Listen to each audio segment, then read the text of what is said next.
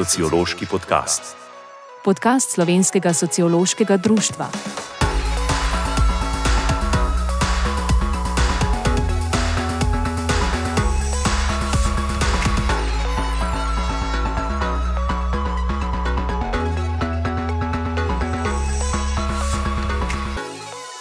Dober večer, moje ime je Oto Grdin in vas lepo pozdravljam v imenu Zavoda OPRO in sekcije za sociologijo časa Slovenskega sociološkega društva.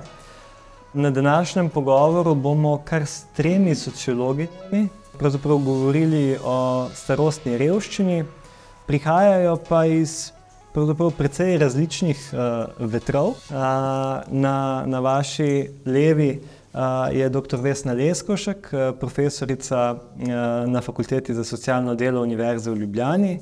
Raziskovalno se ukvarja s spolom, socialno državo, družbenimi neenakostmi, revščino, mladino, ter tudi že več let upozarja na vrzel med moškimi in ženskimi pokojninami in seveda specifično na revščino v starosti. Trenutno tudi vodi obsežen raziskovalni projekt, vsakdanje življenje in življenjski potek starih ljudi, ki živijo v revščini. Vesna, ja. pozdravljeni. Ja, hvala. Uh, na sredini je doktorica Barbara uh, Lužar, vodja medgeneracijskega programa na slovenski filantropiji in vodja hiše Sadeži družbe Žalec. Je pa tudi članica slovenskega sociološkega uh, društva in sodeluje na Centru za proučevanje organizacij in človeških virov v uh, okviru Eurofond projekta na Fakulteti za družbene vede Univerze v Ljubljani. In še uh, lepo pozdravljeni. Ja. In še uh, ob meni uh, doktorica Majda Črnič Istenič, uh, višja znanstvena sodelavka na Družbeno-medicinskem inštitutu ZRC SAZU, kjer se ukvarja s sociologijo družine, demografskimi vprašanji in ruralno sociologijo. Pri svojem raziskovalnem delu se posveča primerjavi različnih vidikov življenja med kmečkim, podeželskim in mestnim prebivalstvom, pa tudi študijam spolov in medgeneracijskih odnosov. Barbara, tudi vi lepo pozdravljeni. Prednjim predam besedo, mi dovolite še nekaj uvodnih besed. Mednarodne organizacije, kot so Organizacija Združenih narodov, Evropska unija in Svet Evrope, že vrsto let opozarjajo na problem revščine in so se boju proti revščini vsaj na papirju zavezale že z vrsto dokumentov. Uh, zakaj vsaj na papirju? Ne? Podatki že ukažejo, da na situacijo nikakor še ne moremo biti uh, ponosni. Namreč v EU 27 je denimo stopnja tveganja revščine v letu 2022 16,5 odstotna, kar je, kar je praktično enako, kot je bila leta 2008, ko je bila 16,6 odstotna.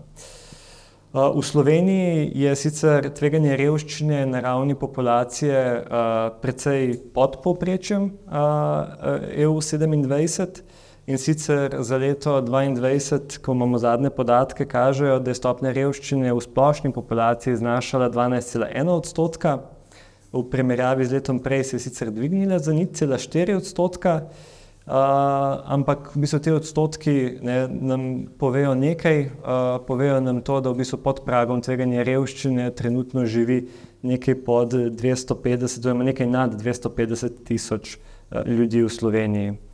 Uh, v letu 2021 se je Slovenija sicer uh, uvrstila na tretje mesto uh, po najnižji stopni tveganja revščine med državami EU, v letu 2022 pa se je celo izenačila z Mačarsko na drugem mestu. Ampak to so vsi podatki za revščino v splošni populaciji. Revščina v starosti pa tudi pri nas ostaja velik problem. Namreč skupno tveganje revščine za starejše od 65 let je bilo kar 18,9 odstotno. Starostne razlike v stopnji revščine odražajo zgodovinske razlike v življenjskih potekih različnih kohort, pa tudi njihovo upetost v institucionalne okvirje socialne države, pa tudi pogledov in odnosov širšega in neposrednega socialnega okolja do družbenih neenakosti od socializma pa vse do danes. Skozi zgodovino se spremenja tudi razumevanje revščine, ki se v zadnjem času pod vplivom neoliberalne ideologije m, vse bolj ukvarja kot individualni in ne kot strukturni problem. To pomeni, da se zahteve, odgovornost, nadzor in reševanje in revščine iz državnih institucij sedi na posameznike, ki vse močneje poudarjajo pomen posameznikovega vedenja in njegovih individualnih odločitev, s čimer se oblikujejo specifične podobe revščine in revnih ljudi, ki bi ne bili revni, če bi se v življenju bolj pametno odločali. Tako revni ljudje, ki za preživetje zaradi strukturnih neenakosti, in na to bomo poskušali na današnji okrogli mizi upozoriti, ki nujno potrebujejo pomoč države, postajajo sami krivi za lasten marginalen položaj, skladno s tem pa tudi politike od njih zahtevajo, da se v zameno za prejemanje pomoči aktivirajo, ne glede na starost ali uviranost. Toliko z moje strani za nek uh, kratek uvod. Um, pa bi razpravo pravzaprav začel z vami, dr. Barbara Lužar. Um, predhodna raziskava o revščini v starosti iz leta 2010, ki so jo delali Stropnik in drugi, je pokazala, da so revščini posebej izpostavljeni stari ljudje, ki živijo sami, so vdoveli in imajo zdravstvene težave. Vi ste v slovenski filantropiji bolj ali manj neposredno v stiku tudi z revnimi starimi ljudmi. Nam lahko mogoče za uvod poveste pravzaprav od spodaj, ne mislim, od spodaj gor, če gremo, s kakšnimi težavami se soočajo in kakšnih strategij se poslužujejo, da lažje shajajo iz meseca v mesec. Ja, torej, mi smo v naših medgeneracijskih centrih, ki jih je pet po celi Sloveniji. Tako... Ja. Ja, to sem kaj. Te mojega vzeti. Hvala lepa. Hvala. Se pravi, uh, slovenska filantropija ima pet medgeneracijskih centrov po celi Sloveniji, tako da imamo en takšen pregled nad um, kaj se dogaja, na, predvsem starejšimi. Uh, ker uh, starejši so največkrat uporabniki naših programov. Uh, mi imamo cele, cele dneve odprte um, uh, centre, kamor lahko pridejo na brezplačne aktivnosti. Starejši se pa zelo, ra zelo radi udeležujejo tudi kot prostovoljci naših dejavnosti, ker marsikdo sistem, ko dobi dodatek za prostovoljstvo, lahko tudi izboljša kvaliteto bivanja. In um, vedno se odzovemo na stiske, Uh, ker dosti krat se zgodi ljudem, ki živijo pod pragom revščine, da veliko krat nimajo niti za hrano. Tako da vsi naši centri izvajo viške hrane, kar pomeni, da se zvečer po vseh trgovinah pobira hrana, ki je še uporabljena in se deli ljudem, ki to potrebujejo. Seveda si želimo, da bi imeli več prostovoljcev, več prevozov, da bi lahko dosegli tudi tiste ljudi, ki pa ne morejo priti k nam. Ne? Ker vemo, tisti, ki so aktivni, se pač pridejo peš, so se delovali, se pripeljejo, ogromno ljudi pa na terenu, ki jih obiskujejo prostovoljci, ne samo iz naše organizacije, tudi iz Rdečega križa, pa Karitas, ampak premalo je ljudi, da bi vse te ljudi dosegli. Ne? Veliko krat so zdravstvene težave, da so nemobilni, da imajo pač um, gibalno virni, da ne morejo sami tudi um, oditi na pot na avtobus na, z avtom. In uh, veliko občin izvaja prostofer, uh, oziroma pač uh, tudi zlata mreža, ne, te brezplačne prevoze za starejše, ki imajo nizke dohodke, ampak se nekako um, opažamo, da se starejši tega ne poslužujejo v takšni meri, kot bi se lahko. Ne. In kar bi bilo zelo, zelo koristno, je, da bi imeli na voljo več prostovoljcev in seveda je treba potem te prostovoljce in potne stroške jim tudi povrniti. To pomeni, da je tudi povezano malo s financami, ne, da lahko jim pomagamo, da odidejo na teren, da imajo več pregleda. Ljudje so tudi osamljeni po domovih, a ne včasih potrebujejo samo do, lepo besedo, stisk roke, pol ure časa, da se z nekom pogovorijo. Ne. Tako da ja, zaznamo, če dalje več uh, stisk in če dalje več ljudi, se vemo, da se naša družba stara, ostaja osamljeni na domovih in veliko krat ne poiščejo sami pomoči.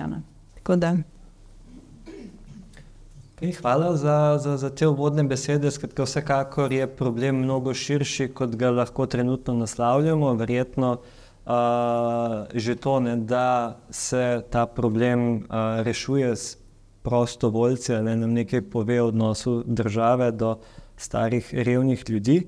Uh, pa bi nadaljeval z vami, dr. Vesna Leskovšek. Ne raziskava, ki sem jo omenil prej, je prej izjema, ne kot neko pravilo. Skratka, za Slovenijo je značilno neko pomankanje raziskav o revščini.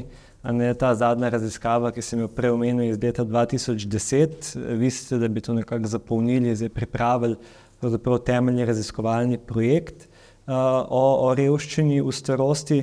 In v prijavi ste med drugim izpostavili, da je za zniževanje revščine v starosti pomembna dostopnost do denarnih dodatkov, dostopnost do storitev in programov, dostojno bivališče in ohranjanje socialnih in podpornih uh, mrež. Uh, te pa v zadnjem času uh, pravzaprav močno načenjajo po eni strani globalizacija, po drugi strani pa uh, neoliberalne zahteve po strukturnih reformah in institucionalnih uh, prilagoditvah. Kako pravzaprav bi vi rekli, da te spremembe, širše družbene spremembe, pa na trgu dela, pa načinih zaposlovanja, recimo v zadnjih 15 letih, uh, pa ne na zadnje tudi neoliberalno navdihnjene socialne reforme zadnjih nekaj let učinkujejo na socialni status starih ljudi? To je tako precej kompleksno pa zahtevno vprašanje, eh, bi rekla. Ne? Bom začela eh, na začetku, namreč eh, pokojnine, ne? socialni status v starosti je bistveno odvisen od tega, kako so se ljudje vedeli v času aktivnega življenja. Ne? Pravimo, da se v starosti revščina akumulira, ne? da je na nek način revščina v starosti pokazatelj celega našega življenja, kako smo živeli. Redko se zgodi, da revščina nastane v starosti. Ne? Mora biti že neka katastrofa, da, da... ampak je bila že prej, pa potem pač eh, tako naprej živiš. Ne? Eh, tako da se eh, zelo pozna ta, ta delovna doba, koliko kolik delovne dobe imajo ljudje, kakšna je bila zaposlitev, kakšna je bila plača, koliko prispevkov so plačali, in tako naprej, se potem pač odseva v uh, pokojninah. Ne. Uh, mi vemo, da, so, da je zelo velik plač zelo nizki, da ljudje, sploh pa uh, ženske, ne, večkrat delajo v poklicih, uh, ki so skrbstveni poklici, prekarni poklici, so prekarno zaposlene, imajo vmes uh, tudi recimo um, leta brez zaposlitve in tako naprej, moški pa tudi ne, lahko in to se pač pozna potem na višini njihovega dohodka. Ne. Uh, uh, in če država tu ne reagira, ne, je pa res tudi to, da so zdaj pri delu, ne, pri načinu zaposlitve, pri tem, kako se podjetja do delavcev obnašajo, ne, Eh, kako se do njih vedejo, kaj od njih zahtevajo, koliko morajo ljudje delati in tako naprej. Eh, se dogaja tudi to, da vedno kasneje eh, hodijo, v, se upokojujejo kasneje, ne, pa tudi bolj bolni. Ne. Tako da vse to skupaj eh, pomeni, da se v starosti, da, da, so, da v starosti zares potrebujejo dobre mreže, dobre storitve in dober dostop do eh, preživetja. Ne. Zdaj tukaj smo pa eh, spet v težavi, ne? zaradi tega, ker se države ne odzivajo več na isti način, kot so se še vem, 30 let nazaj odzivale na socialne stiske. Ne? Naj dam sam primer tega slavnega varstvenega dodatka. Ne? Uh, ki so ga prejemali moški in ženske, ampak večinoma ženske.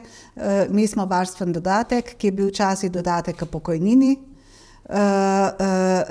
potem pretvorili v družbeno denarno pomoč, ne? Eh, in kot družbeno denarna pomoč je podvržen istim kriterijem kot vsaka denarna pomoč. Ne? Uh, tako da ljudje, stari ljudje zelo težko do tega prehajajo, ker so denarne pomoči pogojevane z nepremičnino, ne, z, z dedovanjem nepremičnine. Država se vanje upiše, sicer se je zdaj vrednost stanovanja, na katerega se država upiše, nekoliko povišala, ampak še vedno se ne. Ni več avtomatske, ne? Uh, ne dobiš ga avtomatsko. Ne, ne, ne. moraš zaprositi. Ti moraš zaprositi, tako kot za vsako denarno pomoč uh, zaprosiš. Ne? In to je zreduciralo število prejemnic, prejemnikov varstvenega dodatka iz približno 45 tisoč leta 2011 2012 je začel zakon veljati, leta 2012 jih je bilo potem 7000 pa še nekaj. Se pravi, iz 45 tisoč na 7, zdaj jih pa dobiva okoli 12-13 tisoč, tako nekje. Ne? Se pravi, da smo daleč nad, nad to ravnjo. Tako da, skratka, država, delo postaja vedno bolj zahtevno, pogoji dela postajajo zahtevni. Eh, država se pa tudi na nek način umika iz eh, zagotavljanja eh, kakovosti življenja, kar seveda ima bistvene posledice. Mogoče, če tu omenim sam še to, še ena težava je, s katero se danes vsi srečujemo, ampak tisti, ki pač zaslužimo neko količino denarja, s katero lahko preživimo, nas to ne udari tako in to so zviševanje življenjskih stroškov. Ne? Uh, in sicer za uh, stanovanje, elektriko, sploh elektriko. Ne? Če ste iz Ljubljane, ste dobili zdaj od Elektra Ljubljane eno obvestilo domov, da se je za petino zvišala, približno za petino se mi zdi zvišala cena električne energije. Ne? Eh, in to je eh, dodaten pritisk na eh, stroške, ki jih imajo stari ljudje. Ne. Poleg tega se ne znajdejo, vse vemo, da je tudi zelo težko se znajdejo v vsem tem sistemu. Ti od starih ljudi ne moreš pričakovati, da si bojo kar zamenjali dobavitla električne energije. Ne če ne bojo zadovoljni s ceno, in, in tako naprej. Ne. Tako da je tle v sistemu zelo veliko nekih vrzeli, uh, ki potem tudi utrjujejo ta, ta slab položaj. Okay, hvala. Uh, zdaj, slika, ki ste jo opisali, nekako se mi zdi, da vse v moči malo večji meri drži za, za mestno okolje, čeprav ne izključno, seveda ne. Uh, ampak bi v bistvu nadaljeval uh, z vami, uh, dr. Majda Črnčistenič. Um, podatki, recimo iz raziskave Share, uh, ki smo jih v tem projektu gledali imajo, ne, kažejo, da imajo v primerjavi recimo z mestnimi okolji večje težave z revščino gospodinstva v ruralnih območjih ali pa na vasi.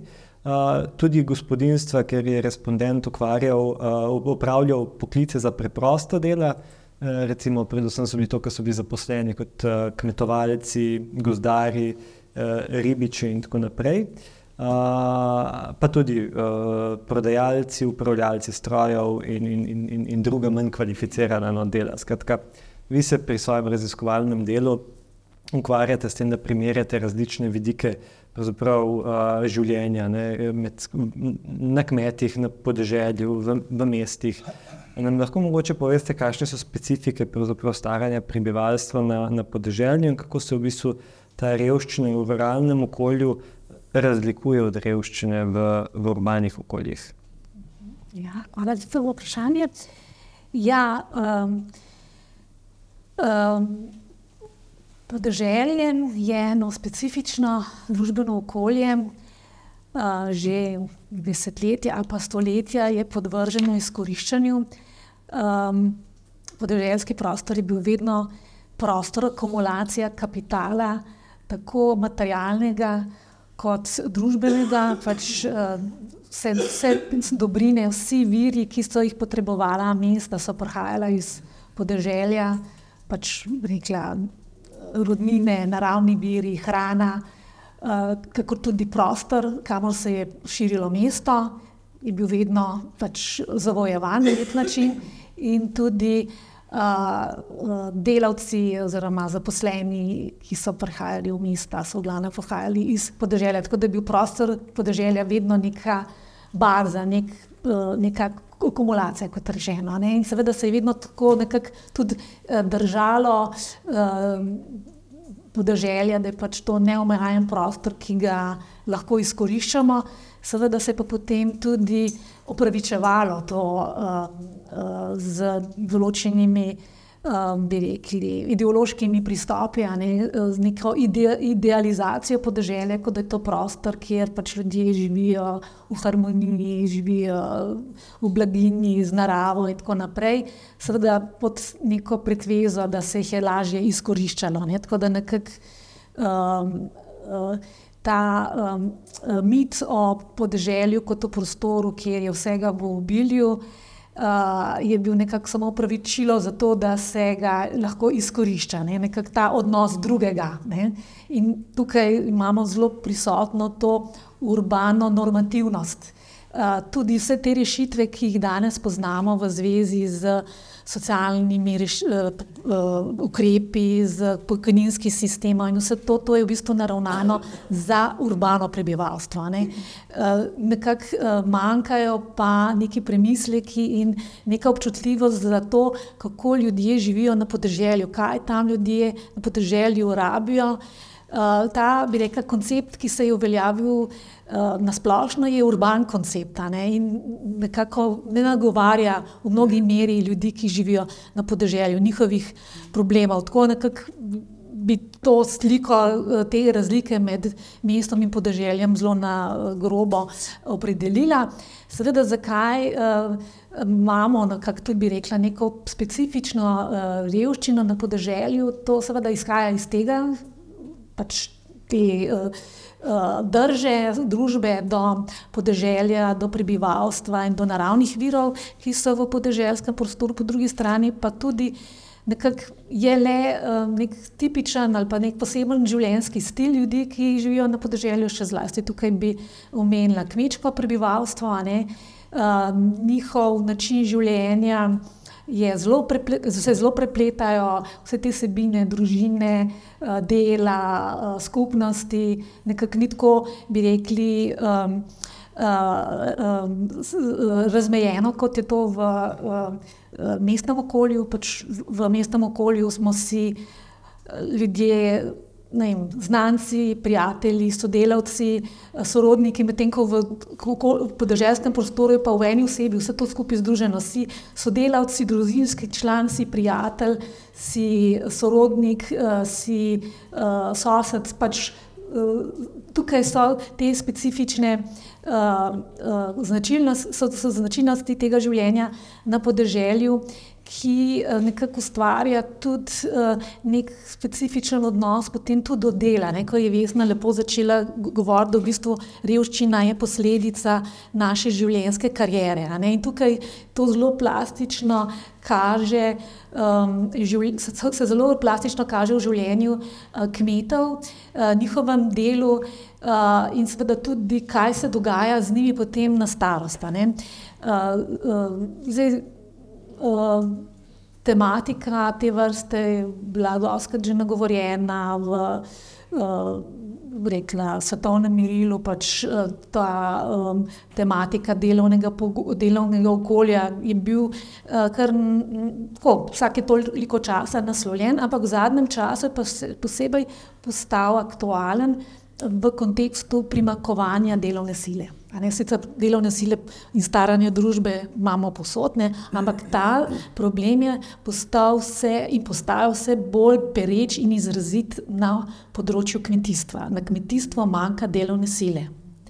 In uh, ta problem pa izhaja iz um, je, zelo kompleksen problem, ker to ni samo, da pač mladi odhajajo uh, iz uh, tega uh, kroga, da zapuščajo kmetijstvo, ampak je v bistvu povezano z vsemi temi življenjskimi poteki, z kvaliteto delovnega okolja, v kateri uh, kmetovalci, kmetovalke delajo, kakšne. Um, socialne pravice imajo v teku svojega življenja, oziroma kakšen dostop imajo naprimer, do socialnega zavarovanja. Da vam samo povem, kakšna situacija je pri nas v Sloveniji. Leta 2007 je bilo na Zavodu za pokojninsko in invalidsko zavarovanje prijavljenih 10 tisoč ljudi, leta 2021 samo še 4100. Ne, tako da vidimo 60 odstotkov nižja stopnja socialne varnosti skozi pokojninski sistem pri tistih, ki se ukvarjajo uh, s kmetovanjem. Seveda se lahko vprašamo, kaj se dogaja, ne, da se to, uh, ali so to kakšne zakonske spremembe ali je to karkoli. Ampak, ko sem, jaz sem delala pred časom uh, teren uh, z kmeti, so se in kmeticami pogovarjala in so mi povedali, da si ne morejo prvoščiti uh, plačila uh, uh, prispevkov za socialno in pokojninsko zavarovanje.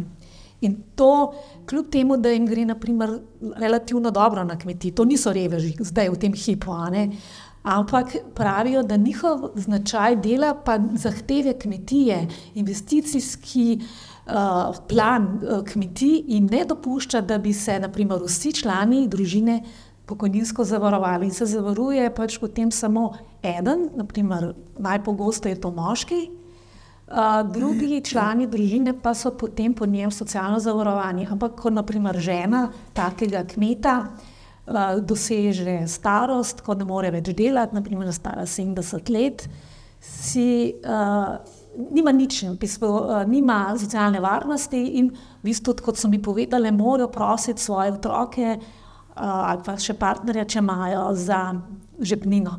Kljub temu, da so celo življenje delali na kmetiji, prispevali k uspešnosti kmetije, ki jim ni šlo, ni šlo slabo, uh, so, so izobrazili vse svoje otroke. Zdaj, seveda, uh, preobrat, da se vrnem spet na to, zakaj je takšno majhno število Eh, socialno zavarovanih, ob tem, da pač so investicijske potrebe kmetije take, pa tudi, da mladi odhajajo z kmetij, da se ne odločajo za kmetovanje, ker si uh, nekako ne predstavljajo, da bi se podali po isti karjerni poti kot njihovi starši, da bi delali celo življenje v nekih zahtevnih eh, pogojih. Zdaj, v bistvu, tukaj bi še rada to povdarila, da je kmetijski poklic eden od najbolj tveganih in navarnih poklicov in najmanj zaščiten v tem pogledu. In um, to nekako ne, eh, ne privlači mladih, da bi se odločali za kmetijski poklic. Tako da v bistvu ta problem socialne varnosti, ki vodi v revščino potem starejše ljudi, vpliva tudi na to, da se mlada generacija ne odloča za kmetovanje. Pa so mogoče še zmeraj doma na podeželju, imajo še neko kmetijo, ampak ta kmetija ne bo več delala za trg, ampak bojo ljudje samo še za svoje lastne potrebe, in s tem smo seveda mi, kot celotna družba, prikrajšani za bi rekli, kvalitetno hrano. Pač zdaj, v času COVID-a se je pokazalo, da ne moramo računati samo na uvoženo hrano, ampak da bi rabili tudi razmišljati o tem, kakšno preskrbo s hrano bomo imeli. V našem okolju. Tako da v bistvu ta problem revščine je izredno kompleksen, večplasten in posega tudi v, uh, bi rekla, karjerno uh, odločitev mlade generacije. Najlepša hvala, v bistvu ste me, me kar presenetilo, to, kar ste, kar ste povedali. Um, namreč uh, mi smo, uh, smo imeli, mi smo imeli spomladi, smo imeli eno okroglo mizo v zgodovini pokojninskih sistemov in takrat smo recimo slišali, da so bile recimo kmečke pokojnine v bistvu ena od težjih stvari za recimo dosežeti. Predvsem je bil zgodovinsko med kmeti velik odpor do prvih, recimo, ko je probal uh, krek svoje prve scheme in nekako predstaviti, niso verjeli, pustite nas kmete, ne, to, je, to je predrago za nas, ne so govorili. Se pravi, v bistvu se te neki vzorci uh, še vedno ponavljajo, čeprav razumem na, ja. na podeželju. Je pa to morda tudi poudariti treba, da v določenem obdobju nedavne zgodovine so bili kmetje popolnoma izključeni iz socialnega uh, sistema. Prve pokojnine so kmetje dobili leta 1972, ja. od leta 1945 do takrat so pa bili pač prepuščeni, bi rekli, samo svoji zemlji. To, jim, to je bila pač njihova, uh, njihova podlaga socialne varnosti niso imeli uh, dostopa do tega, kar so imeli, naprimer, drugi poklici. Mm, ja, spala. Um, zdaj, ena stvar, ki se je, ki se je že, že večkrat danes um, pokazala, je ta razlika med, med spoloma. Ne, se pravi, na podeželju, ne, ko se ženske recimo, ne zavarujejo, oziroma so zavarovane po po možne, po, po, po, po glavi, zdravstvene, recimo po, po, po, po, glavi gospodinstva. Uh, prej smo slišali, ne, o, recimo, kako je varstven dodatek negativno vplival predvsem na ženske, pa eh, bi nadaljeval z vami, dr. Vesna Leskošek. Um, se pravi, uh, OECD recimo ugotavlja, da je v vseh državah položaj starejših žensk slabši od položaja uh, moških. Izpostavljajo celo Slovenijo, ki je v skupini držav skupaj s Švico, Združenimi državami Amerike in Izraelom, Uh, ta, kjer se pravzaprav revščina ženski staro, starostne kohorte 75, plus, skoraj da podvoji, glede na starostno skupino 65. Plus. Pa me zanima, zakaj je pravzaprav revščina med starimi ženskami tako razširjena, kako da je ta pokojninska vrzel med spoloma tako velika in uh, iz, iz kje so te v bistvu, kohortne razlike. Uh, ja, zdaj, podatki so zdaj že malo drugačni, uh, kot so bili tele podatki. Ne? Zdaj se mal tudi v tej skupini 75, plus, čist malo niža uh, stopnja tveganja revščine, ampak to pokaže tudi na to, da neke druge generacije prihajajo zdaj uh, v, uh, pokojnin, uh, do, do pokojnine. Ne? Ampak te generacije, ki so bile še v tistem času, ker včasih je bila stopnja tveganja revščine žensk uh, 75, plus, tam okoli 32 odstotna, če se ne motim, je pa zdaj ne vem. 25, 26, tako nekje, ne, se mi zdi, da, da, da je zdaj, ne, je nekoliko nižja, kot je bila uh, včasih. Ne. Ampak uh, te generacije, kjer je bila zelo visoka, so še generacije, ki uh, so bile povojne generacije. Ne. Uh, mi moramo uh, se tudi spomniti, da v času socializma mi nismo imeli tako dobro razvite mreže vrtcev, recimo. Ne. Uh, ženske so še po drugi svetovni vojni ostajale doma, uh, da so varovale otroke. Eh, in s tem izstopale iz trga dela. Ne. Uh, mislim, da je Kanju Mrčela Aleksandra uh, v enem članku omenila, da so zdaj upokojene ženske, pravzaprav starejše ženske, imele v bistvu ne več kot 15 let delovne dobe, aktivne delovne dobe. Ne. Tako da je bilo očitno njihovo vedenje, tako da so prihajale in odhajale iz trga dela. Ne. Uh, in to vpliva, seveda, na uh, njihov položaj. Ne? Pa so pa še druge stvari, tudi recimo uh, uh, višina plače, uh, ki so jo imele, način zaposlitve, načini pogodbe.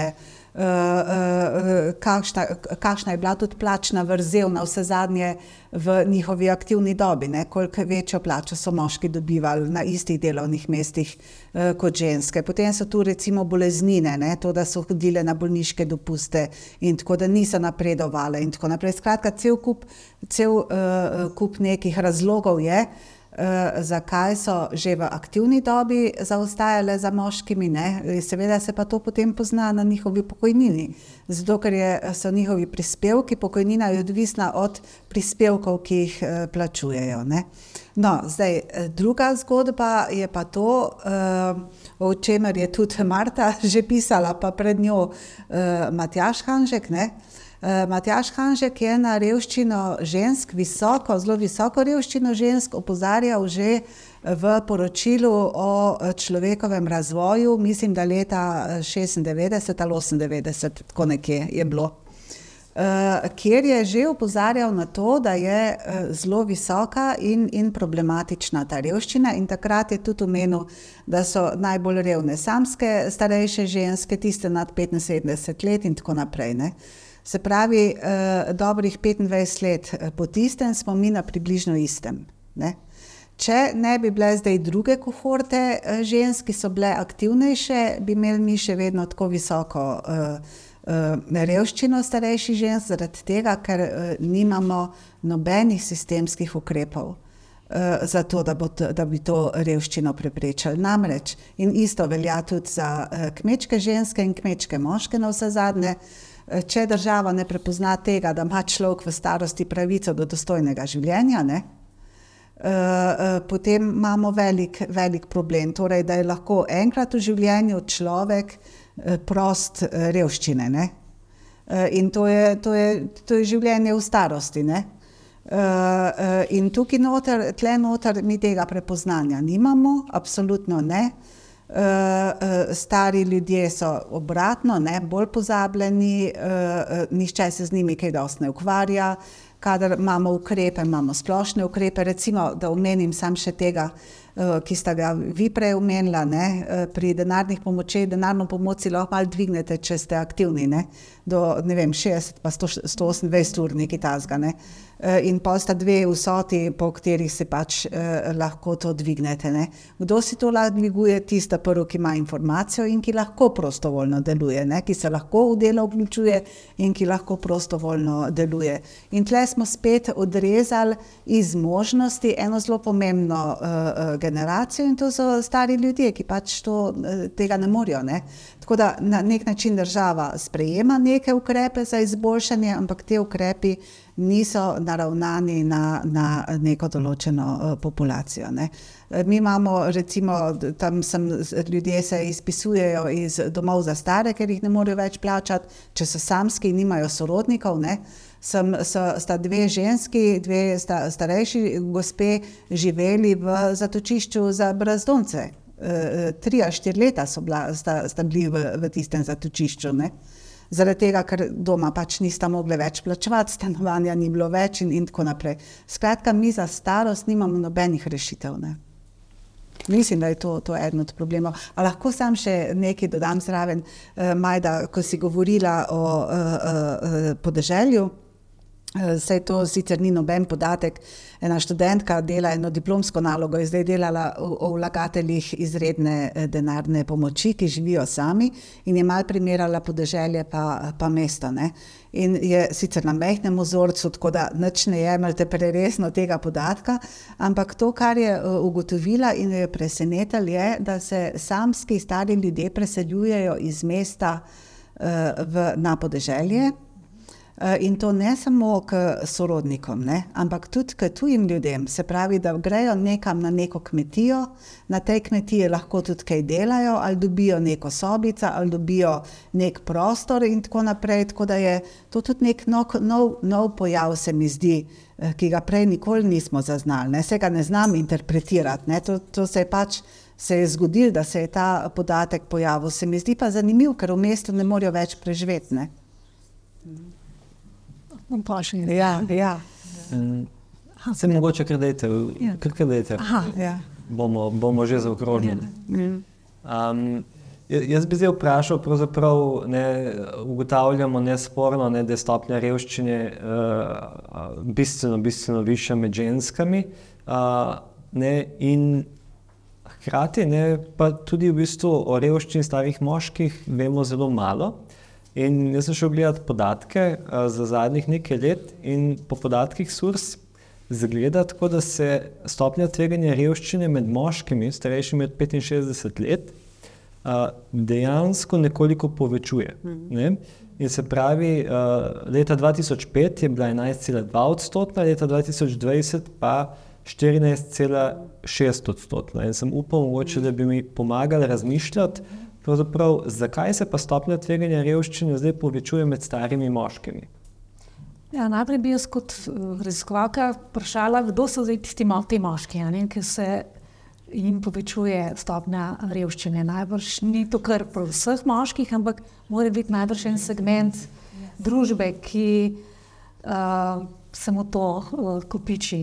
Ne, nekak, uh, mislim, da bi rabili eno tako eh, dodatno raziskovalno poizvedbo. Ne? In tudi kje, aj to v mestih ali na podeželju. Potem pa tudi, seveda, bi poudarila, da podeželje ni neko enovito eh, mesto, oziroma enovit prostor. Podeželjski prostori so zelo različni, niso vsi deprivilegirani, eni so tudi privilegirani. Ne? Tako da tudi ne moramo reči, da povprek vsi na podeželju so revnejši kot v mestih. Tudi v mestih najdemo revne ljudi. Tako da tukaj je pestra situacija. Pa potem, naprimer, tudi um, ko se primerja podeželje in mesto, uh, raziskave, ki so bile narejene, primerjava mestnega in podeželskega uh, uh, prebivalstva z vidika kakovosti življenja, ki jo je izvedel Eurofond. Leta 2003, 2007 in 2009 je pokazala, da so te razlike med mestom in podeželjem raznolike, te, da so kar tri ali pa celo štiri skupine držav, ki jih lahko ločimo glede teh uh, razlik. Uh, naprimer, v um, tako rekla, boljših gospodarskih uh, družbah ali pa državah z, z, z, z boljšimi uh, ekonomskimi uh, razmerami. Uh, naprimer, zlasti Zahodna Evropa, tam razlik med mestom in podeželjem ni. So ugotovili, da, ni, da je tam pač. Uh, kakovost življenja z vidika dohodka, načina življenja, stanovanskega statusa, dela in tako naprej, relativno izenačena, da, da je vseeno, ki že človek živi ali živi na podeželju in mestu, ima relativno enako kakovost življenja.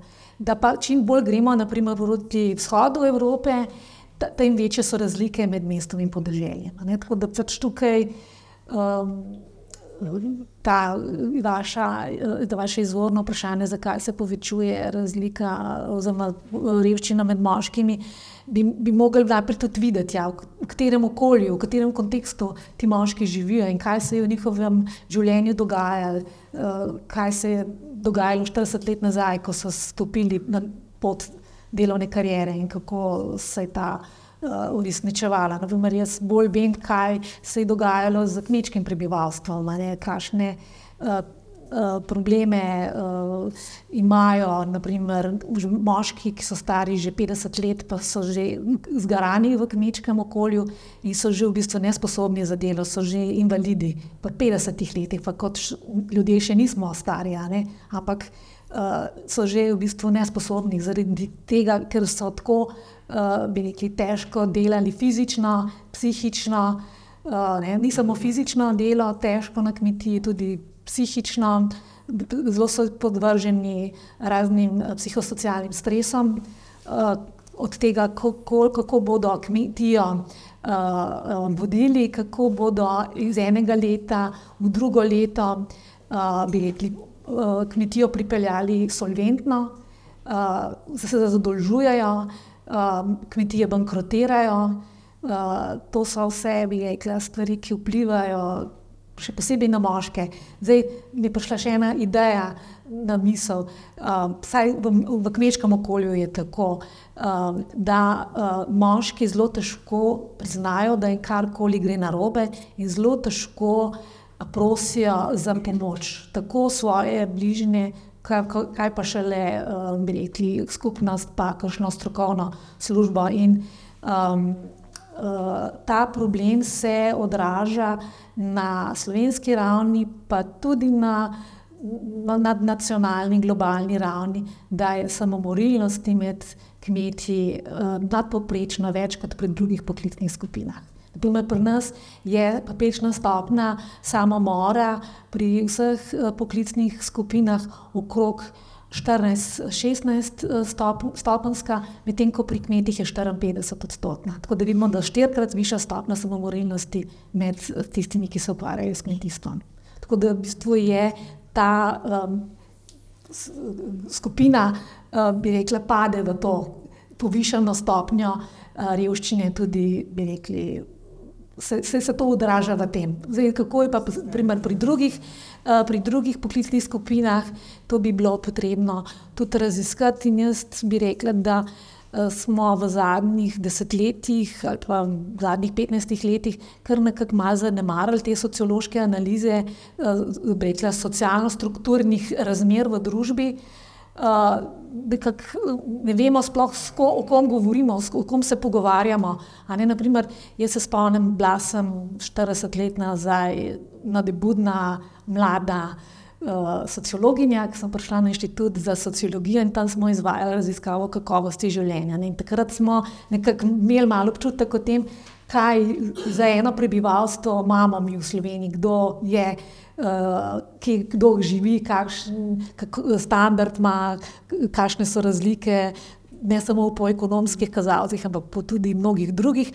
Mislim, da zdaj bi nujno rabili eno tako raziskavo, da bi ugotovili, sploh, kdo živi v mestih in kdo živi na podeželju in kakšen je njihov uh, življenjski potek, njihov življenjski standard. Mislim, da to nam v osnovi v Sloveniji zelo manjka, da mi marsikaj pogovorimo kar tako malo naokrog, bi pa nujno rabili eno tako um, uh, družbeno-strukturno analizo uh, prebivalstva, tako v mestih kot na podeželju. In bi potem lahko tudi lažje odgovorili na tole vaše vprašanje, kaj se dogaja, oziroma kdo je tisti, ki je tako zdaj, um, dve, v tvegani poziciji.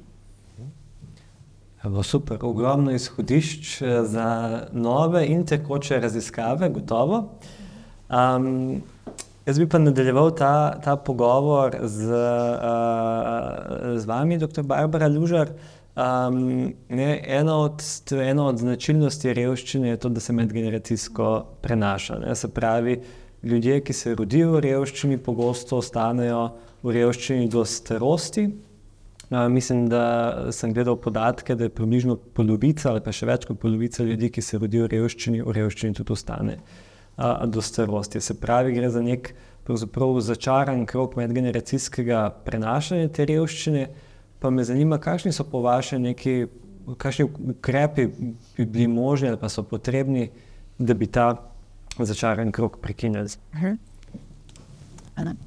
Ja, res je.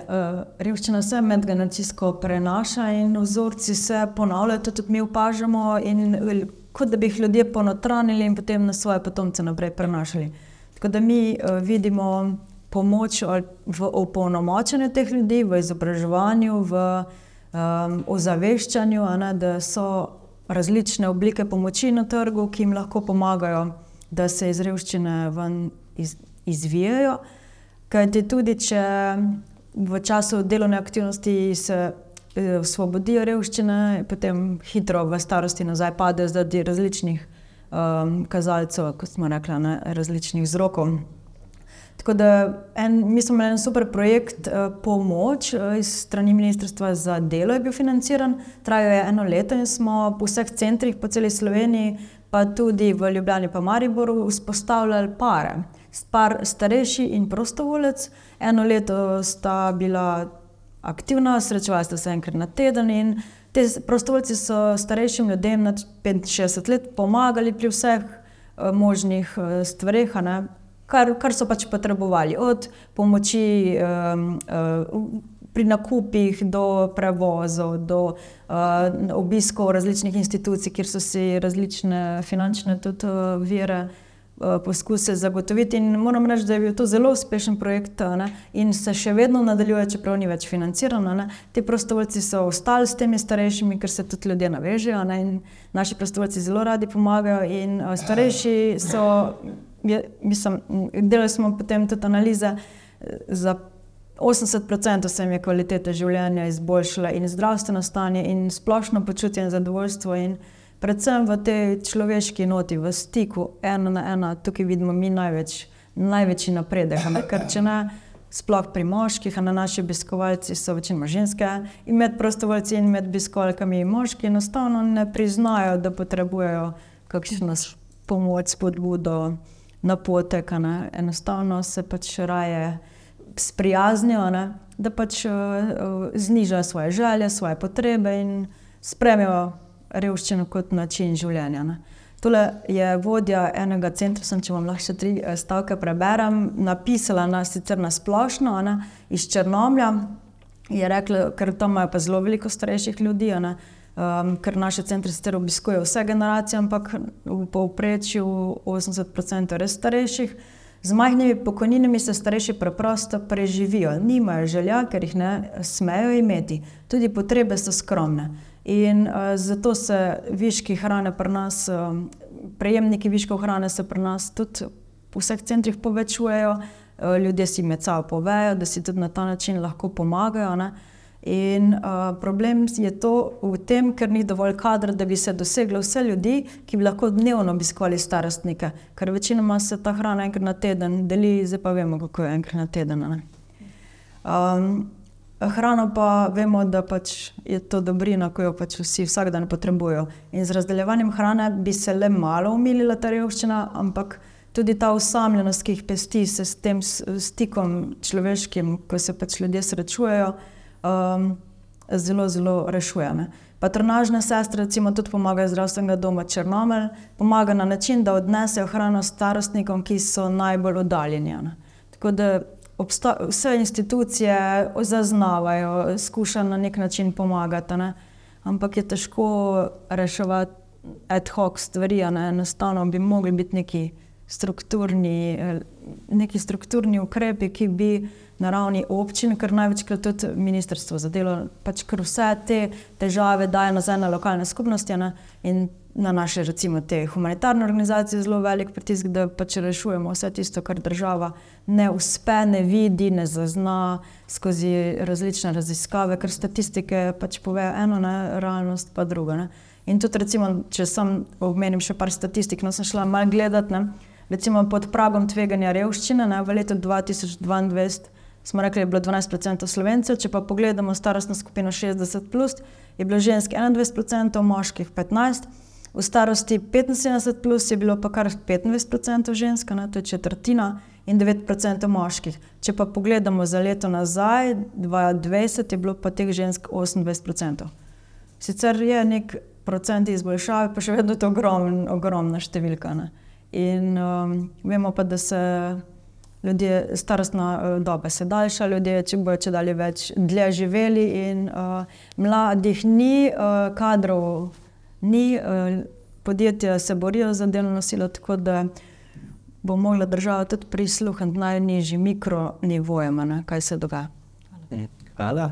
Mislim, da številke, ki ste jih prikazali, definitivno ne potrjujejo to, kar ste tudi sami izpostavili da za tako velik problem, pa za problem, ki zajema tako velik del populacije, nikako ne moremo se zanašati zgolj na prostovoljstvo, ker tukaj vedno pridemo ne, do tega, da preprosto ni dovolj prostovoljcev in take stvari je treba reševati na, na strukturni ravni. Tako da bi nadaljeval z vami, dr. Vesna Leskovšek, a, izobraževanje, vrsta gospodinstva, oblika družine, ne, so recimo zelo pomembni dejavniki, ki vplivajo na revščini v starosti, pa me zanima, kako je in katere življenjske razmere človeka pred upokojitvijo je treba že uh, specifično naslavljati, da bi popravili te številke, da bi se revščina v starosti uh, zmanjšala.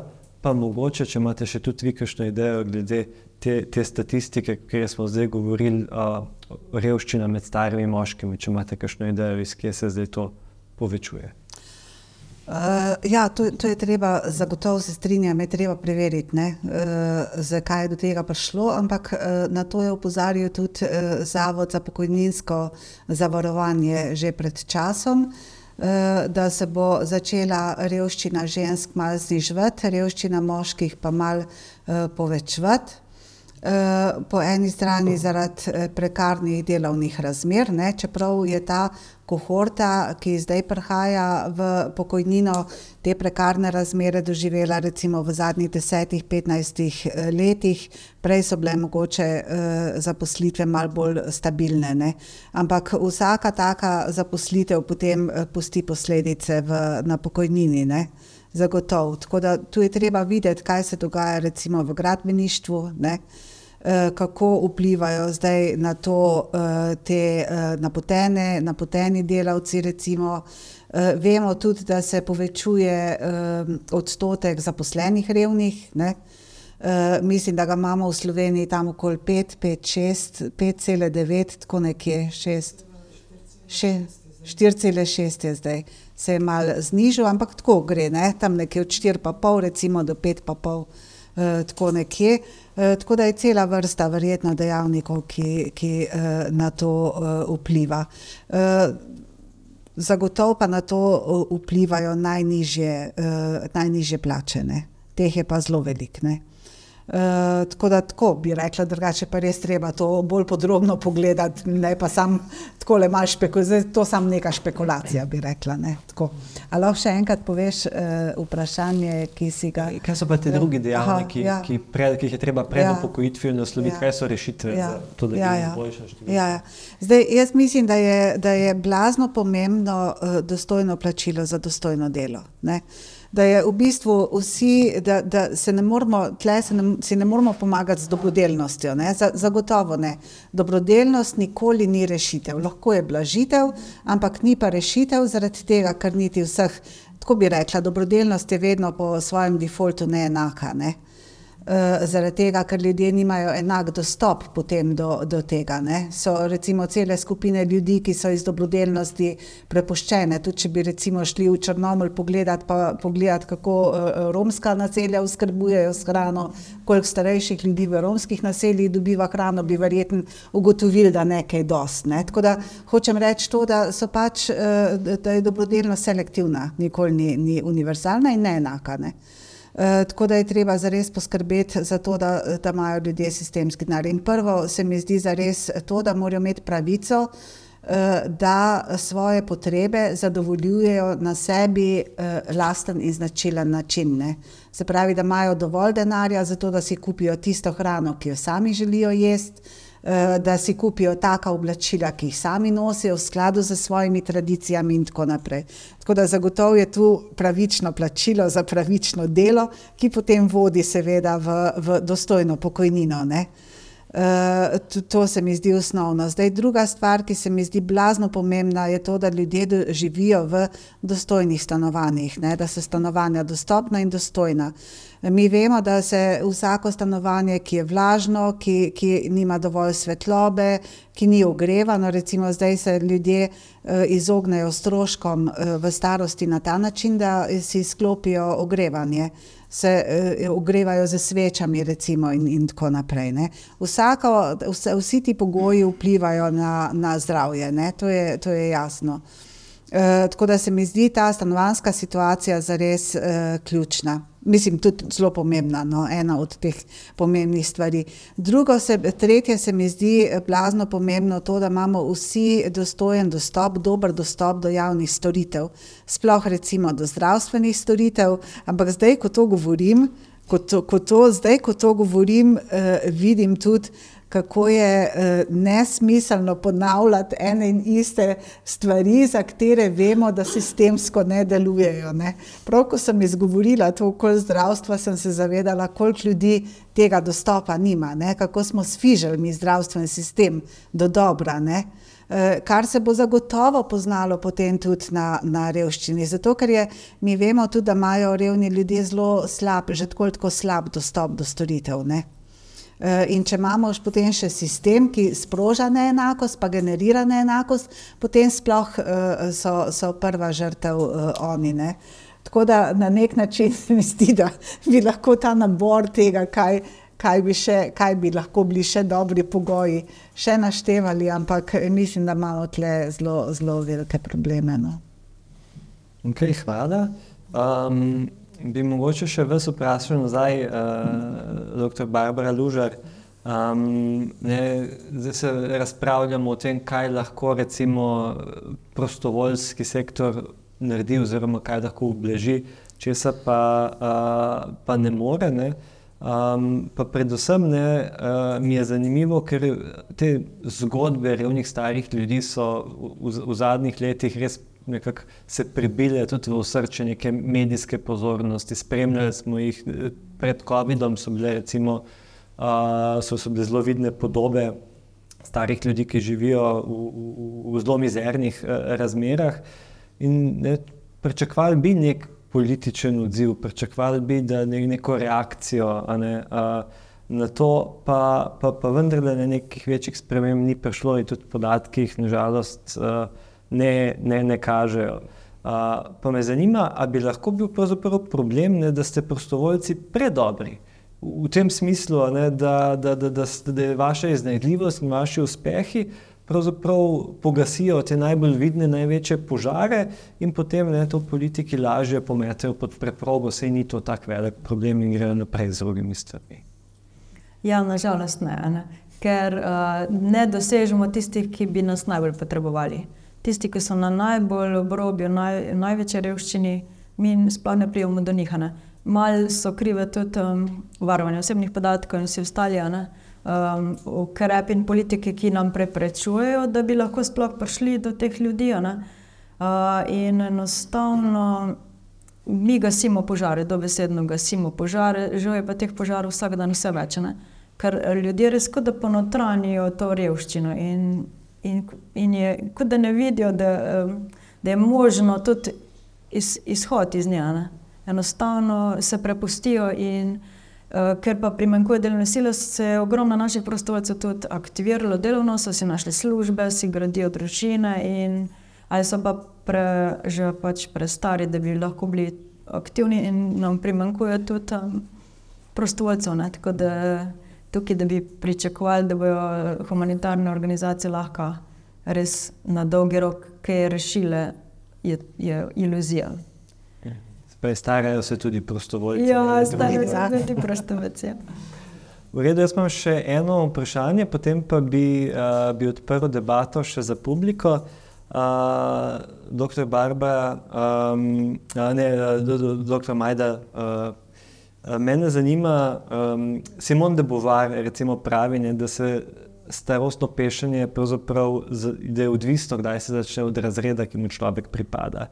Ne, ona recimo v knjigi Starost zapiše, danes je rudar pri 50-ih povsem izčrpan, Um, pešanje delavcev se ne le začenja prej, temveč tudi veliko hitreje napreduje. Vi ste nekaj tega že omenjali prej, pa bi vas za konec vprašal, če se strinjate, da v bistvu velja podobno tudi za revščino, ki se očitno med kmečkim prebivalstvom tudi začenja prej ne, in verjetno hitreje napreduje tudi kot posledica teh eh, delovskih nesreč, poklicnih bolezni, ki pa ste že omenili, da so na podeželju bolj pogoste. Ja, k- eh, kmečki poklic je eden od najbolj nevarnih, eh, eh, eh, težkih in zahtevnih poklicev.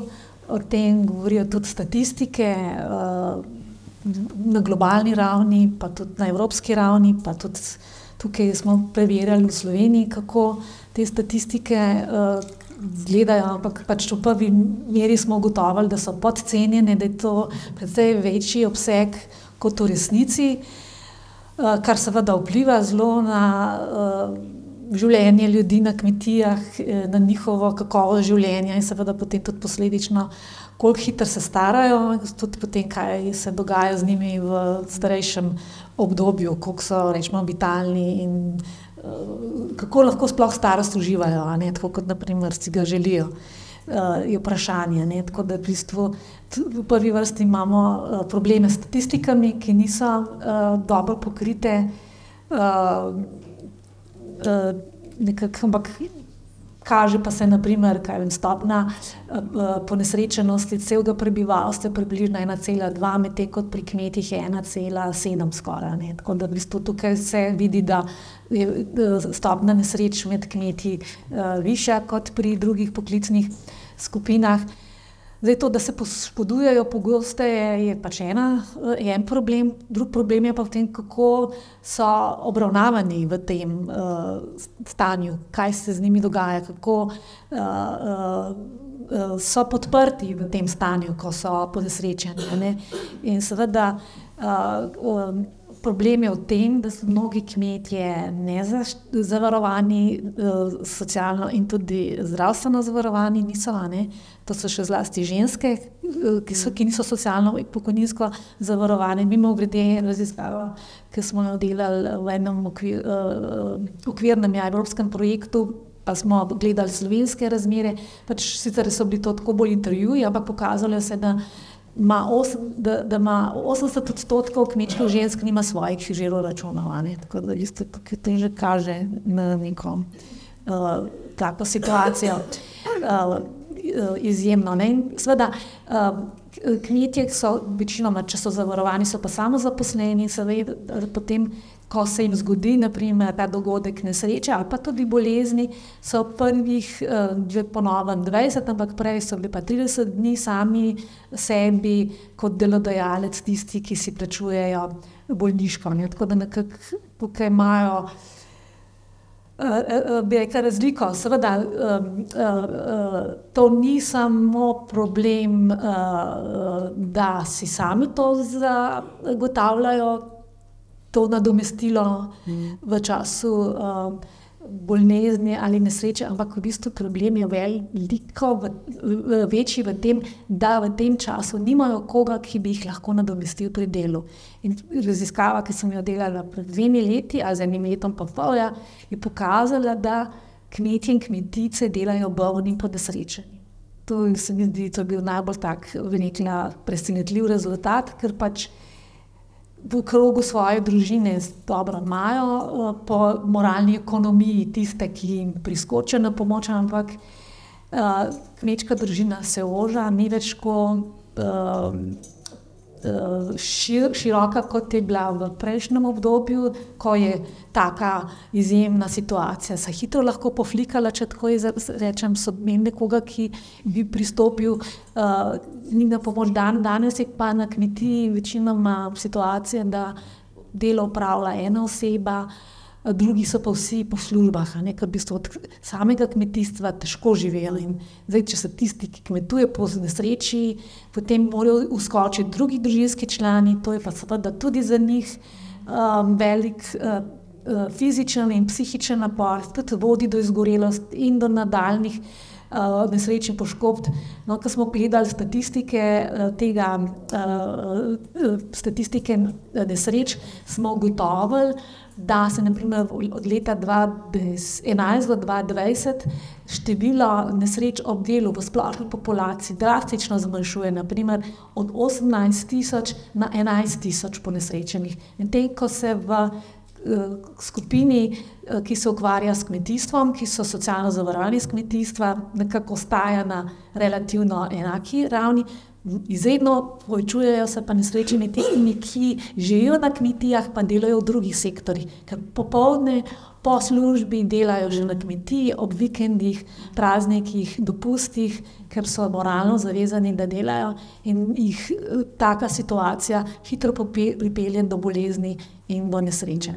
Tako da v bistvu ta segment, um, bi rekli, je pri nas v naši družbi neurejen, ne nagovorjen. Če samo omenim, da Slovenija ni podpisnica konvencije Mednarodne organizacije za delo, ki naj ki državam nalaga obveznost, da zagotovijo varne, zdrave delovne pogoje.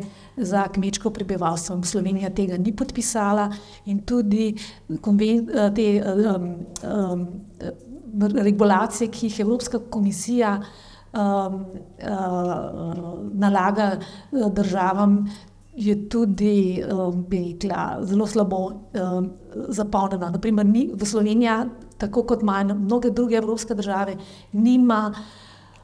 Uh, preventivnih programov zdravstvenega varstva za kmete, nima niti izobraževanj uh, ki bi kmete uh, nekako opolnomočila o tem, tudi, da bi nekako vedeli, da se pač vedeli. Mislim, da se uh, um, tudi nekako pazijo, oziroma ta varstvena kultura na kmetijah je veliko krat problematična in s tem se v bistvu. Uh, kaj dosti pri nas ne ukvarjamo, in tudi nimamo posebnih um, oblik pomoči kmetom, kot jih imajo v drugih um, evropskih državah, primer, ki imajo organizirano nadomestno delovno službo za kmetije. Naprimer, zdaj, tukaj bi samo še eno tako stvar omenila, ki je bila meni zelo šokantna. Kot sem prej omenila, leta 1972 smo pri nas uh, upeljali pokojninski uh, sistem za kmete, na Finskem so pa leta 1974 z zakonom sprejeli, da ima vsak kmet, ki ima štiri živali ali več, zdaj je to šest živali ali več, ima pravico do 26 dni dopusta. To pomeni, da tistih 26 dni ima zagotovljena sredstva, da plača nekoga, ki jim pride na kmetijo, opraviti njihovo delo. Mi tega nimamo. Pravi tega zdaj že. Gremo na finsko. Ja. Tako da bi rekla, s temi drobci tukaj nakazujem, da smo uh, do tega družbenega sloja, ki ga dan danes predvsej kritiziramo, ne, uh, morda tudi upravičeno, ampak da smo pa v bistvu totalno ignorantski do tega, v kakšnih življenjskih in delovnih razmerah kmetje delajo. Od kmetov samo zahtevamo kvalitetno uh, hrano, da nam proizvajajo, ampak v kakšnih delovnih razmerah pa živijo to pa nihče uh, ne vidi ali pa ne noče videti. A pa vidimo samo tiste, ki dobro živijo, takih je pa veliko, ne med svojimi, pa dobivajo subvencije, pa so Ja, mehanizirani, pa na nekaj. Ja, tukaj stvari, stvari, stvari, stvari niso tako zelo enoznačne. a ne. Pač, uh, tudi kmečka uh, populacija, oziroma kmečka skupina ni homogena, so tudi zelo velike razlike. Ampak uh, ta, uh, te razmere, o katerih sem govorila, da imajo kmetje nizke dohodke, da uh, delajo bolni in poškodovani, vplivajo. Prosim, Ja, ampak njih ne čakajo živali v hlevu, zaradi katerih bi mogli iti pod vplivom zdravil, pa z gipsom v roki delati. Mislim, da so tukaj velike razlike z drugimi poklicnimi skupinami. In seveda, kar je pa treba tudi oceniti uh, še naprej. Mlada generacija kmetov si tega ne bo izbrala v, svojem, v svoji karieri, in uh, ker je bilo to zanemarjeno, mladi kmetje oziroma mlade kmetice se bodo odločale za druge poklice, mi smo pa s tem uh, pred vprašanjem, kako si bomo zagotavljali uh, suvereno uh, vire prehrane, ali bomo v bistvu pristajali na to, da konzumiramo samo uvoženo hrano. Pač to se moramo odločiti. Mladih kmetov ne bomo imeli več, hmalo. Ja, ampak zmeraj več prihaja. Zdaj občutek imam, ko spremljam medije in to, da se veliko mladih odloča za kmetije. Ne, gledajte, če jih je bilo 2007 zavarovanih 10 tisoč, leta 2021 pa samo še 4 tisoč, to vam lahko pokaže, kam gre ta trend. Kje bomo pa predvsevali, če gledaš po polja, gradi se, gradi, gradi, gradi. Ja, Jaz, pa- ko se čenjam dol čez na Štajersko, najlepše nive so po, pozidane. Ja, kakšen sistem imamo to? Bo. Kje bomo pa pol pridelovali hrano? V hribih, ki ne vodiš mehanizacijo na roko? Ne, ne, tam noben ne bo več kmetoval. Ja.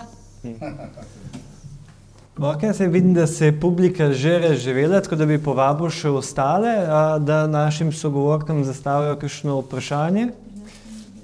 Alberto, izvolite. Ne rabim mikrofona, sem nizek, pa govorim zelo glasno.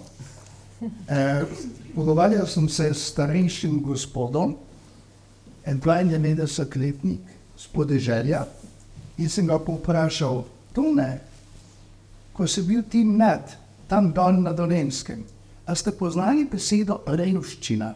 Ne. Živeli smo skromno, z naravo, z živino, s sosedi, z lastnim delom. To je prvo. In sem bil zelo vesel tega njegovega odgovora. Drugo, kar sem je postavil vprašanje, fenomen revščine, ali gre za materialno revščino, ali gre za duhovno revščino tudi. Ali smo revni po merilu, revni po merilu materialne dobrobitnosti, ali smo tudi revni po merilu duhovne bitnosti, zaradi česar smo ljudje. Revščina je postala način življenja. Ljudje zelo težko spregovorijo, da so revni. Sram jih je povedati, reven sem. Vsem, ki smo delali celo delovno dobo, pa postavljamo vprašanje. Ali smo 40 let delali zato, da smo v letih, ki jih živimo, revni? Hvala za komentar. Mislim, da je nekako odzvanja zdaj še vseh nas. Uh, moče še kakšno vprašanje? Izvolite, gospa. Pomna gospod Kasni povedal, da ne fora, prvih 20 oziroma 30 dni, da pač sam na investicijo vodiš. Uh, je pa tudi res, tudi v SP-ju, da bi najbolj videli enako, ne? s tem, da oni lažje. Ne? Isto morajo nadomestiti. Nimajo, ne, nula deseda. Še lepa je boliška iz jasne. Je nakazana, ne, to je bistvena razlika, ki je mogoče ne poznamo to obvladati.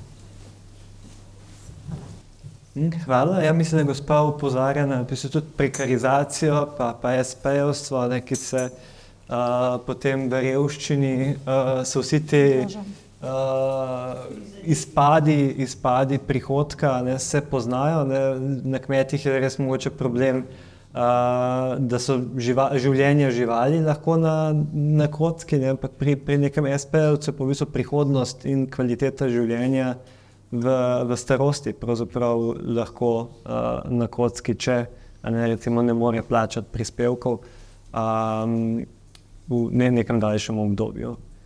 Sej ta, ta zadrega se v bistvu že zelo dolg časa, desetletja vleče. Ne? Mislim, da še iz časa socializma zadrega do samozaposlenih, ne? kjer imaš ti vedno to uh, dvojnost, ne? uh, prepričanja, da samozaposleni sistem izkoriščajo, ker v bistvu dobijo uh, ve, večje plačilo, ki ga potem ne prijavijo. Ne?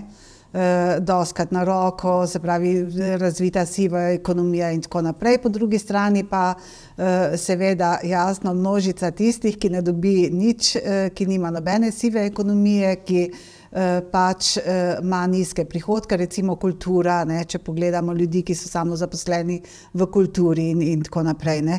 In država, doskrat ravno zaradi tega prepričanja, da gre zadaj za goljofije, ne uredi sistema. Ne. Se pravi, to je vprašanje samo zaposlenih, je večno vprašanje, nikoli do konca dogovorjeno, zaradi tega, ker obstaja to prepričanje o goljofijah. In to se vleče že, že oddaleč. Mal podobnega je bilo tudi pri kmetih, ne, češ. Obilno živijo, in tako naprej, od države, sistem, pa iz, izkoriščajo sistem. Ja. In tako naprej. To, to so neka večna vprašanja, ki je tudi del odgovora je v tem, eh, da, da se jih nišče zares ne dotakne, se vlečejo skozi, ampak to tudi pomeni, da ljudje, ki imajo te statuse, večno živijo v, eh, na robu. Ne? Eh, Ana, da se upravičujem. Eh, poznam nekaj ljudi z področja obrtniške dejavnosti. In so mi povedali, zakaj bi jaz dajal večji prispevek za penzijo, če dam lahko samo minimalnega. In da so pri 300 evrih pokojnine.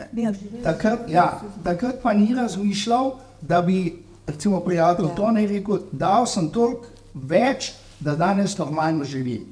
Vem pa za obrtnike, ne bom rekel, za katere gre, da so rekli, zakaj bi mi tej državi dajali denar in so tisti minimalni zahtevek plačali, danes pa tarnajo, da ne morejo preživeti s penzijo, ki jo dobijo. Čeprav obrtnikova žena dobi, ne boste verjeli, 300 evrov na mesec od njegove, itd., itd.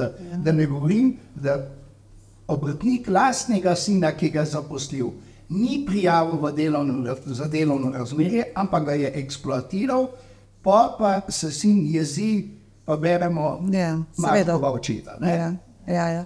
ja se, se strinjam Ja, s tabo, Albert, ja. to zagotovo uh, drži, ne? ampak uh, vsi delamo, res je to, da, da delamo neke napake v svojem življenjskem poteku, ki ne morejo biti potem uh, kazen za revščino v starosti. Res je, ljudje so delali napake v svojem življenju, lahko, lahko je tudi tako, lahko je nek, pa, pa tudi druga stvar pa je, da nikoli ne smemo posploševati teh izkušenj. Mi ne moremo reči, vsi obrtniki so isti, vsi SP-ji so isti in tako naprej. In zato, ker je en tak, bomo kaznovali vse. Ne, Eh, ne glede na to, kakšno je, bila naša, kako je, bila naš, kako je bilo naše vedenje v aktivnem življenju, je dejstvo, da je revščina v starosti eh, težka eh, za vse. Ne, Eh, ne moremo reči lepo, tako da si si skuhal, tako pa zdaj pojej. Ne? To bi bilo preveč preprosto. Se mi zdi, da tudi nehumano. No? Mogoče, če spem tukaj še jaz samo dodati, ne, na eni od preteklih debat o pokojninskem sistemu in pokojninah ne, smo ugotavljali, da dejansko 80% SP-jev v Sloveniji plačujete minimalne prispevke, za katere vemo, da niso dovolj za minimalno pokojnino, zdaj recimo, ki jo imamo. Ne. Ampak ob tem pa se moramo zavedati, da ljudje so, v, so SP-jevci ne nujno po njihovi lastni izbiri, ampak so v to prisiljeni, imamo so to s- v bistvu skrita delovna razmerja. a ne. Ja. In, uh, in drugo je, imamo sistem, ki to omogoča, da se plačujejo prenizki prispevki. a ne. Eh, To- Poleg tega smo jih tudi zelo povišali. Ne? Mi smo pred parimi leti, če se ne motim, zelo povišali te minimalne pris- eh, prispevke, za katere so prav ljudje, ki so delali v kulturi, bili v nemogočem eh, položaju, ker jih niso mogli eh, plačevati. Ne? Tako, ker po drugi strani pa tudi spodbujamo ljudi, da postanejo SP-jevci, zato da niso problem in, in brezposelni. ne. To je bil, to je bil, Ja, ja, to, to je bil odgovor na, na, na brezposelnost v izhodišču. Okay, se, se upravičujem, da sem uskočil v tole. A, še, še kakšno a, vprašanje? Gospa, še enkrat. Mislim, da bi bilo fino, da bi se malo prišpekal do sosednjih držav. Avstrija ima krasno to urejeno. Ali pa vsaj več, bi šli. Oni so do bogatstva in ne kakšen prašin metrov, ne vem, tisoč pa ne vem, koliko še metrov. Imajo vse to, lepo kledo, kocka, toliko se prešuje. Imajo drago. Ne bom rekla, da pač moramo točno tako, ampak naj se naučimo nekaj iz tega. Ne. E, bom zelo kratek. A ni e, predpisa, da se opozori, poslušajte, če boste minimalno prispevali, računajte, da boste težko preživeli. A so varovala na tem področju, opozorila varovala, vse ljudje ne vejo. Ne?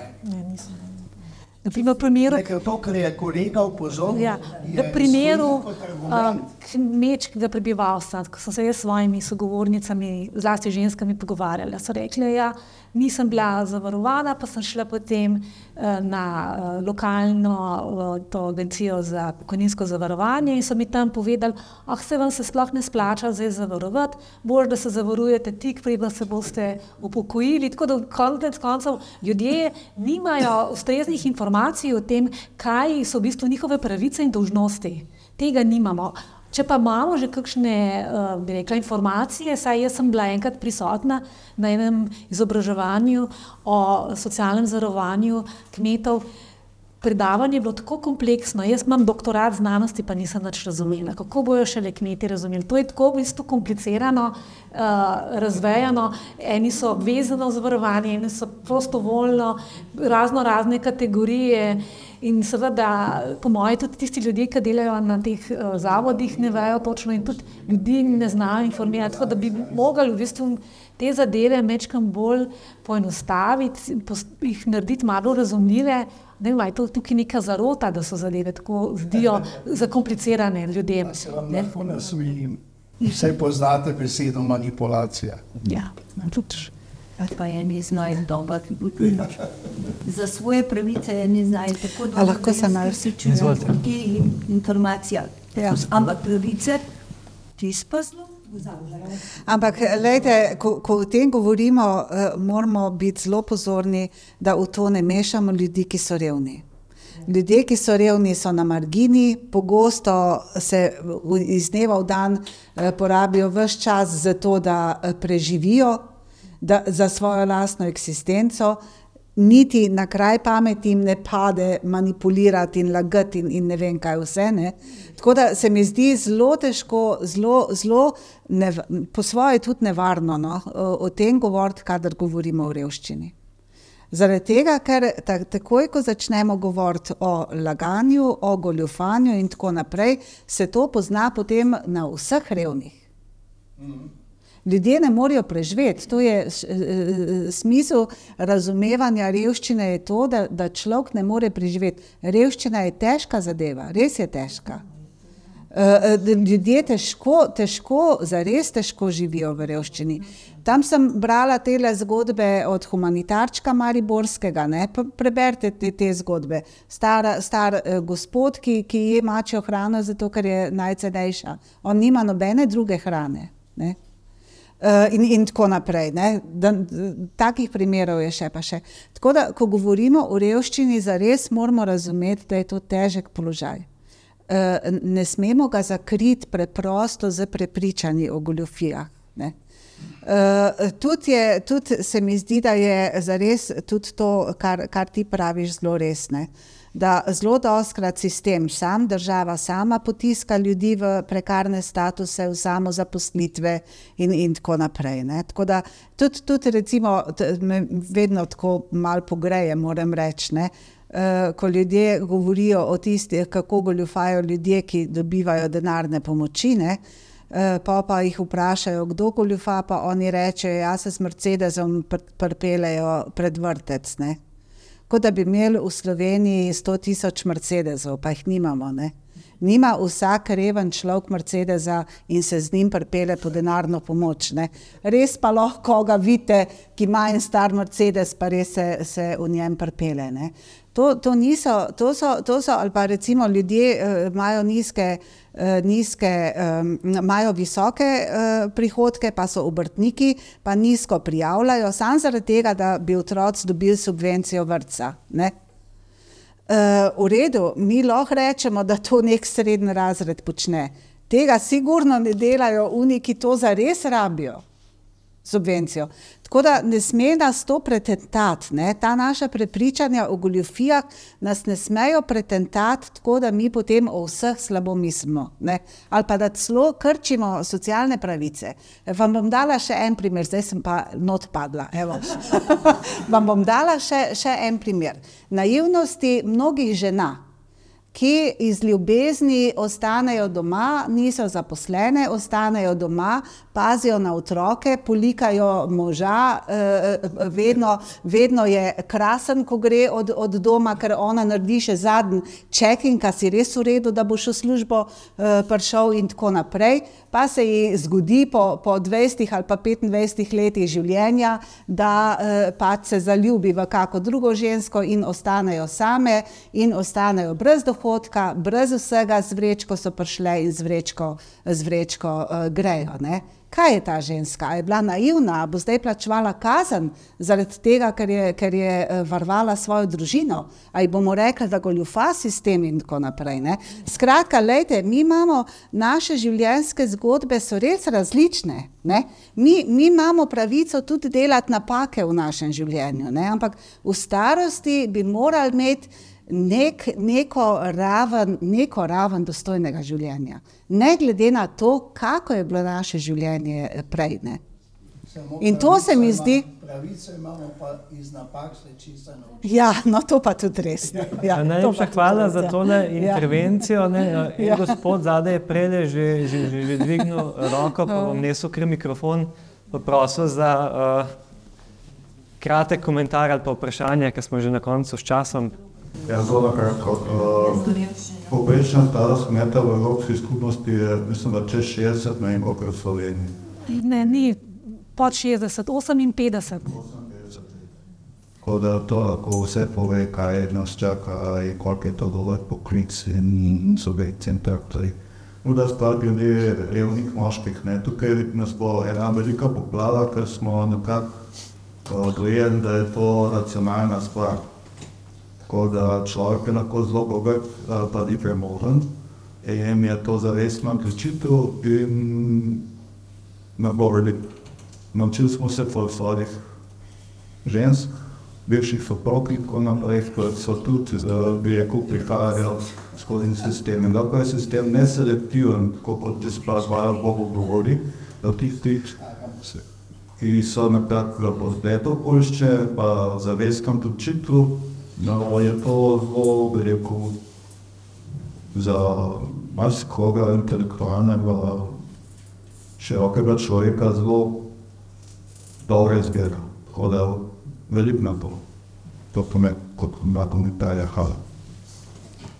Najlepša hvala, gospa, še vam zelo na kratko. Ja, Sam en stavek. Revščina naj ne bo sramota. Okay, revščina ne bo sramota, jaz mislim, da lahko.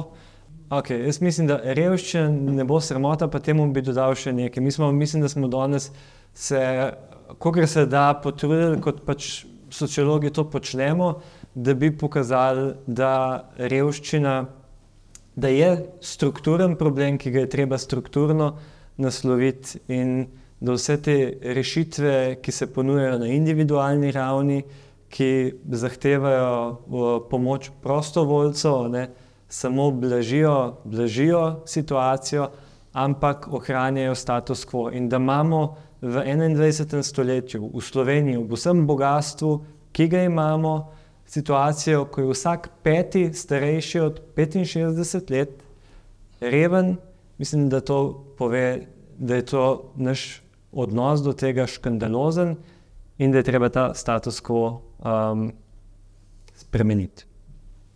Najlepša hvala za pozornost in pomoč. Še prisotnih, če mi dovolite. upam, da mi zaupate, da se zahvalim mladim, da so pristopili k tej problematiki. Ker je to potrdilo spoštovanja medgeneracijskega odnosa.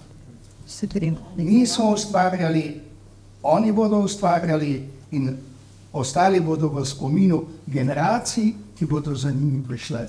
Ker kujejo tla človekoljubja. In kdo bi rekel, da smo pa ti malo starejši, pa da bodo tle sami starci spali, sami stari. Evo, Najlepša hvala, lep december, lepe praznike vsem, se vidimo v naslednjem letu.